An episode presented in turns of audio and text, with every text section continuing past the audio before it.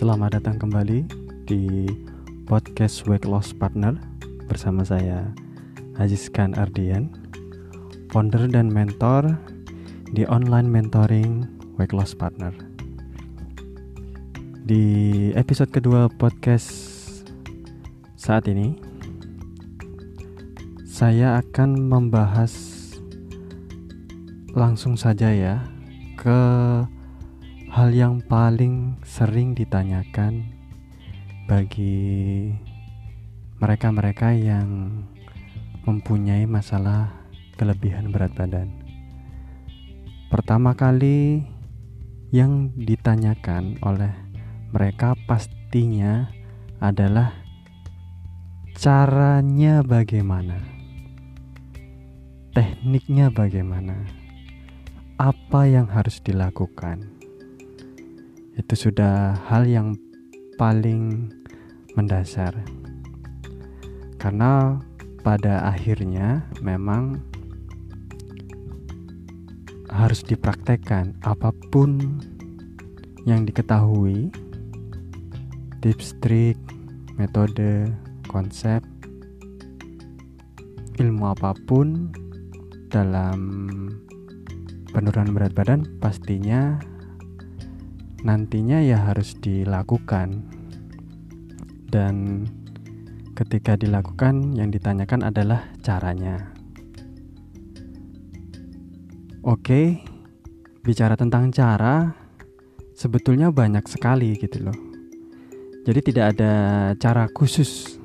Nah ini yang perlu dititik beratkan tidak ada cara khusus.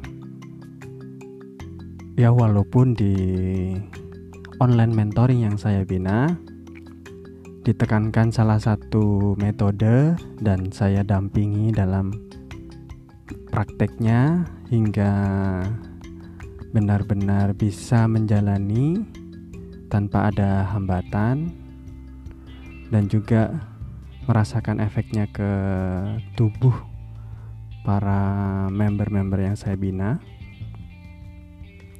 Tetapi Bicara tentang cara, seperti yang saya bahas sebelumnya, banyak sekali cara, teknik di luaran. Dan coba kita bahas saja cara-cara itu. Karena apa? Karena tidak ada cara yang benar-benar bisa mumpuni, bisa tepat. Salah satu teknik tidak akan bisa mewakili seluruh orang. Karena tiap orang itu unik sekali ininya tubuhnya respon tubuhnya. Gennya berbeda sifat tubuhnya berbeda. Maka dari itu kalau bicara cara sebetulnya tidak ada cara khusus. Oke, kita coba langsung ke teknik-teknik yang sudah ada ya yang sangat mudah dan sangat umum sekali. Terlebih lagi, hari ini adalah momentum yang tepat, yaitu bagi umat Muslim adalah puasa Ramadan.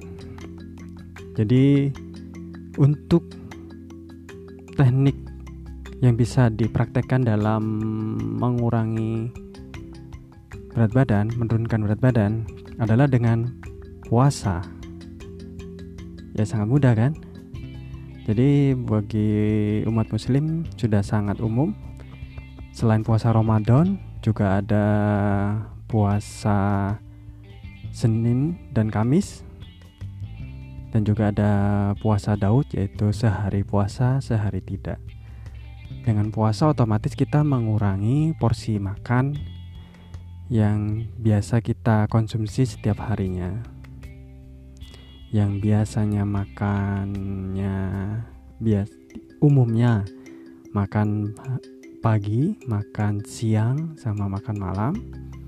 Ketika puasa akhirnya men-skip makan siang. Jadi yang biasanya makan sehari tiga kali menjadi makan dua kali. Otomatis dengan kita mengurangi makan, jadinya diharapkan berat badan akan menjadi turun.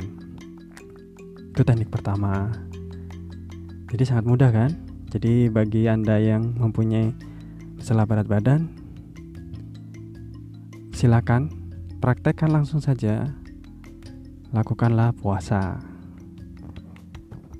Kemudian selain puasa apa lagi? Salah satu yang terkenal adalah sama puasanya sih, cuma kalau puasa dalam agama Islam itu kan ketika puasa tidak makan sama sekali. Nah, ini ada yang namanya intermittent fasting. Nah, fasting kan puasa juga ya. Di sini intermittent fasting yang ditekankan adalah puasa kalori. Jadi, ketika pada waktu jam puasa artinya tidak ada konsumsi kalori sama sekali. Contohnya puasa uh, kalori ini atau intermittent fasting adalah misal dalam 24 jam ketika pukul 8 malam sampai jam 12 siang esok harinya itu puasa kalori puasa kalori total. Jadi tidak ada konsumsi apa pun yang mengandung kalori. Berarti artinya pada saat jam 8 malam sampai jam 12 siang esok harinya itu masih boleh konsumsi yang non kalori. Memang ada, ya pasti ada. Ada jenis konsumsi yang bisa yang non kalori. Ya mudah saja apa itu? Air putih atau mungkin teh tapi tanpa gula kopi tanpa gula. Sepertinya itu saja ya yang non kalori ya. Jadi berbeda dengan puasanya agama Islam yang total tanpa ada konsumsi apa pun baik itu minum kalau puas intermittent fasting atau puasa kalori masih toleransi bahwa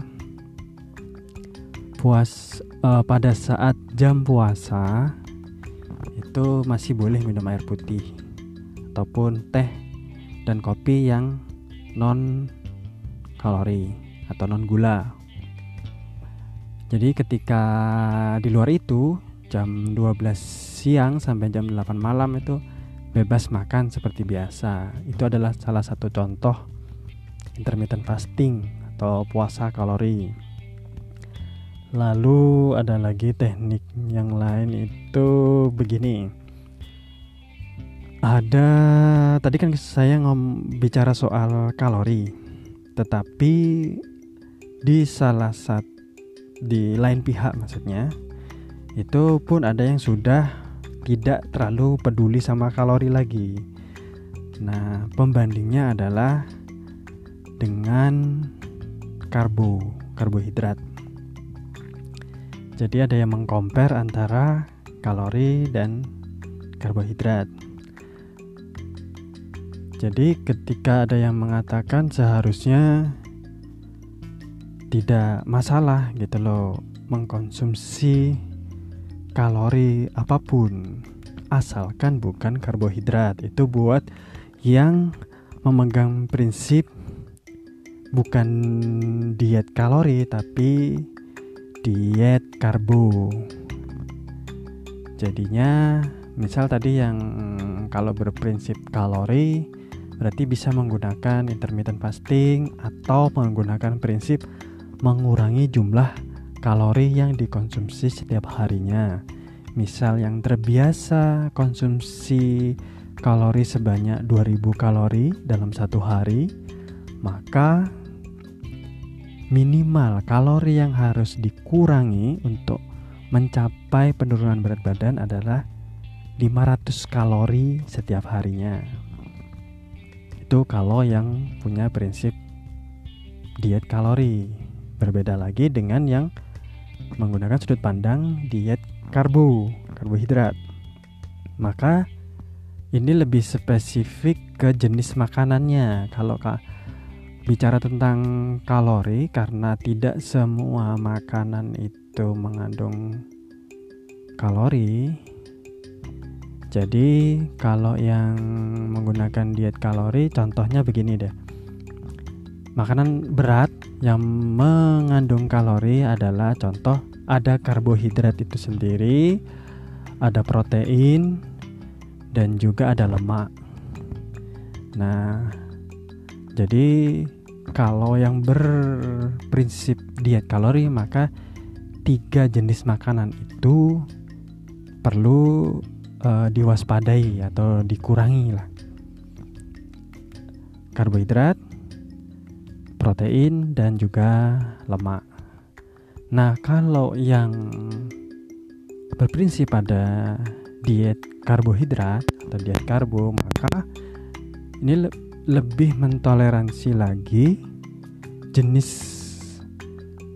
jenis makanan yang mengandung kalori jadi membe dari tiga jenis makanan yang mengandung kalori lebih ini apa namanya itu ya lebih tidak melarang untuk makanan selain karbohidrat. Jadi kalau menurut kalori misal protein dan lemak itu perlu juga untuk dikurangi bagi yang berprinsip diet karbo maka untuk jenis makanan yang mengandung protein atau lemak itu tidak ada larangan sama sekali.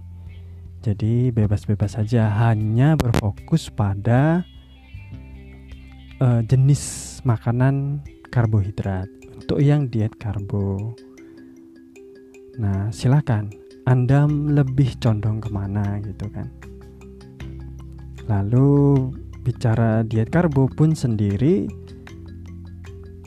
ada yang sangat strict. Jadi ada yang total menstop apa pun jenis makanan yang mengandung karbohidrat karena percaya bahwa yang namanya kalori bisa didapatkan selain lewat karbohidrat. Makanya jangan heran ada yang orang sampai stop makanan manis, stop makan nasi gitu kan. Karena memegang prinsip diet karbohidrat dan versi tersebut bahwa tidak ada masalah karena kalori atau energi yang digunakan untuk beraktivitas sehari-hari bisa didapat dengan cara mengkonsumsi selain karbohidrat, bisa protein maupun lemak. Itu orang yang strict, yang ketat sekali memegang prinsip diet karbohidrat. Namun ada juga yang lebih toleran jadi lebih ke sekedar mengurangi ini mengurangi konsumsi makanan yang biasa dimakan sehari-hari lebih mengurangi porsinya saja gitu kan yang biasanya makan satu porsi dikurangi jadi setengah porsi. Namun secara frekuensi dalam sehari mungkin jadi tiga kali. Jadi tidak memperhitungkan kalori, memperhitungkan karbo atau yang lainnya cukup mengurangi porsi makanan yang biasa dimakan sehari-hari. Itulah kira-kira kalau kita bicara teknik. Ada banyak sih, salah satu ada lagi satu lagi tambahan, ada yang fokus ke clean food, makanan bersih. Jadi saking bergizinya sampai disebut dengan clean food. Jadi memang sangat bergizi, sangat sehat, sangat higienis. Misal apa gitu kan? Misal tidak mengandung digoreng, tidak mengandung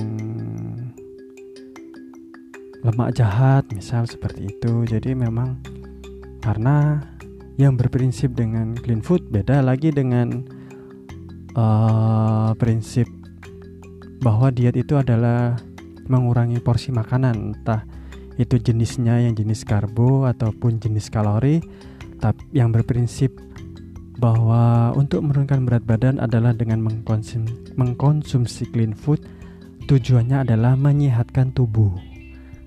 Diharapkan dengan tubuh yang sehat, maka tubuh itu sendiri yang akan membetulkan fungsi-fungsi organ-organ tubuh atau istilahnya metabolisme metabolismenya menjadi sehat. Sehingga otomatis lemak akan berkurang lemak dalam tubuh berkurang akhirnya berat badan menjadi ideal. Itulah yang prinsip yang dipegang oleh mereka yang melakukan diet dengan cara mengkonsumsi makanan clean food Oke, kalau bicara teknik, bicara cara memang banyak sekali di luaran.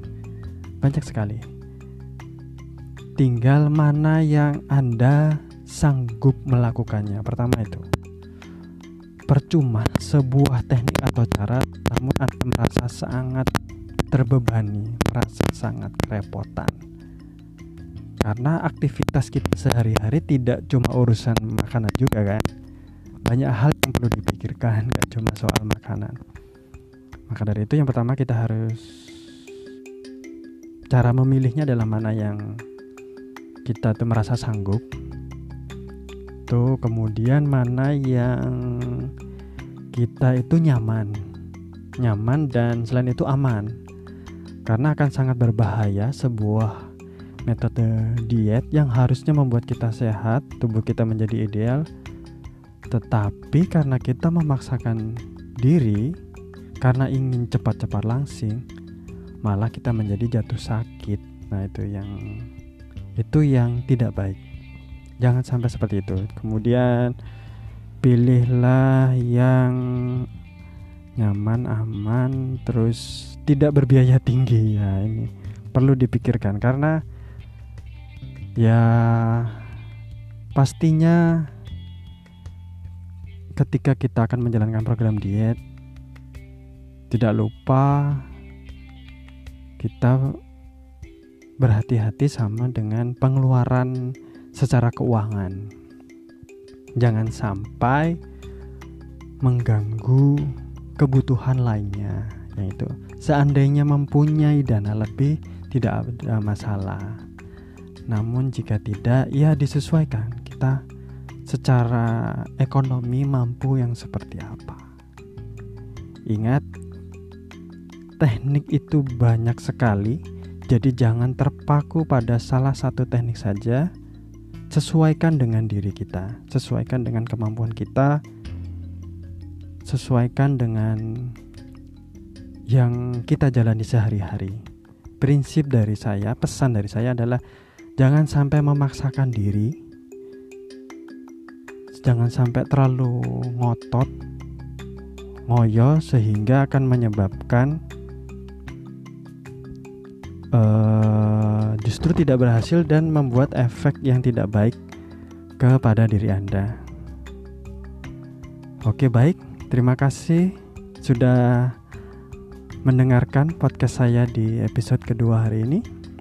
Semoga bermanfaat dan anda mendapatkan jawaban dari apa yang Anda cari Anda cari selama ini tentang program penurunan berat badan. Terima kasih sudah mendengarkan dan nantikan di podcast episode-episode selanjutnya.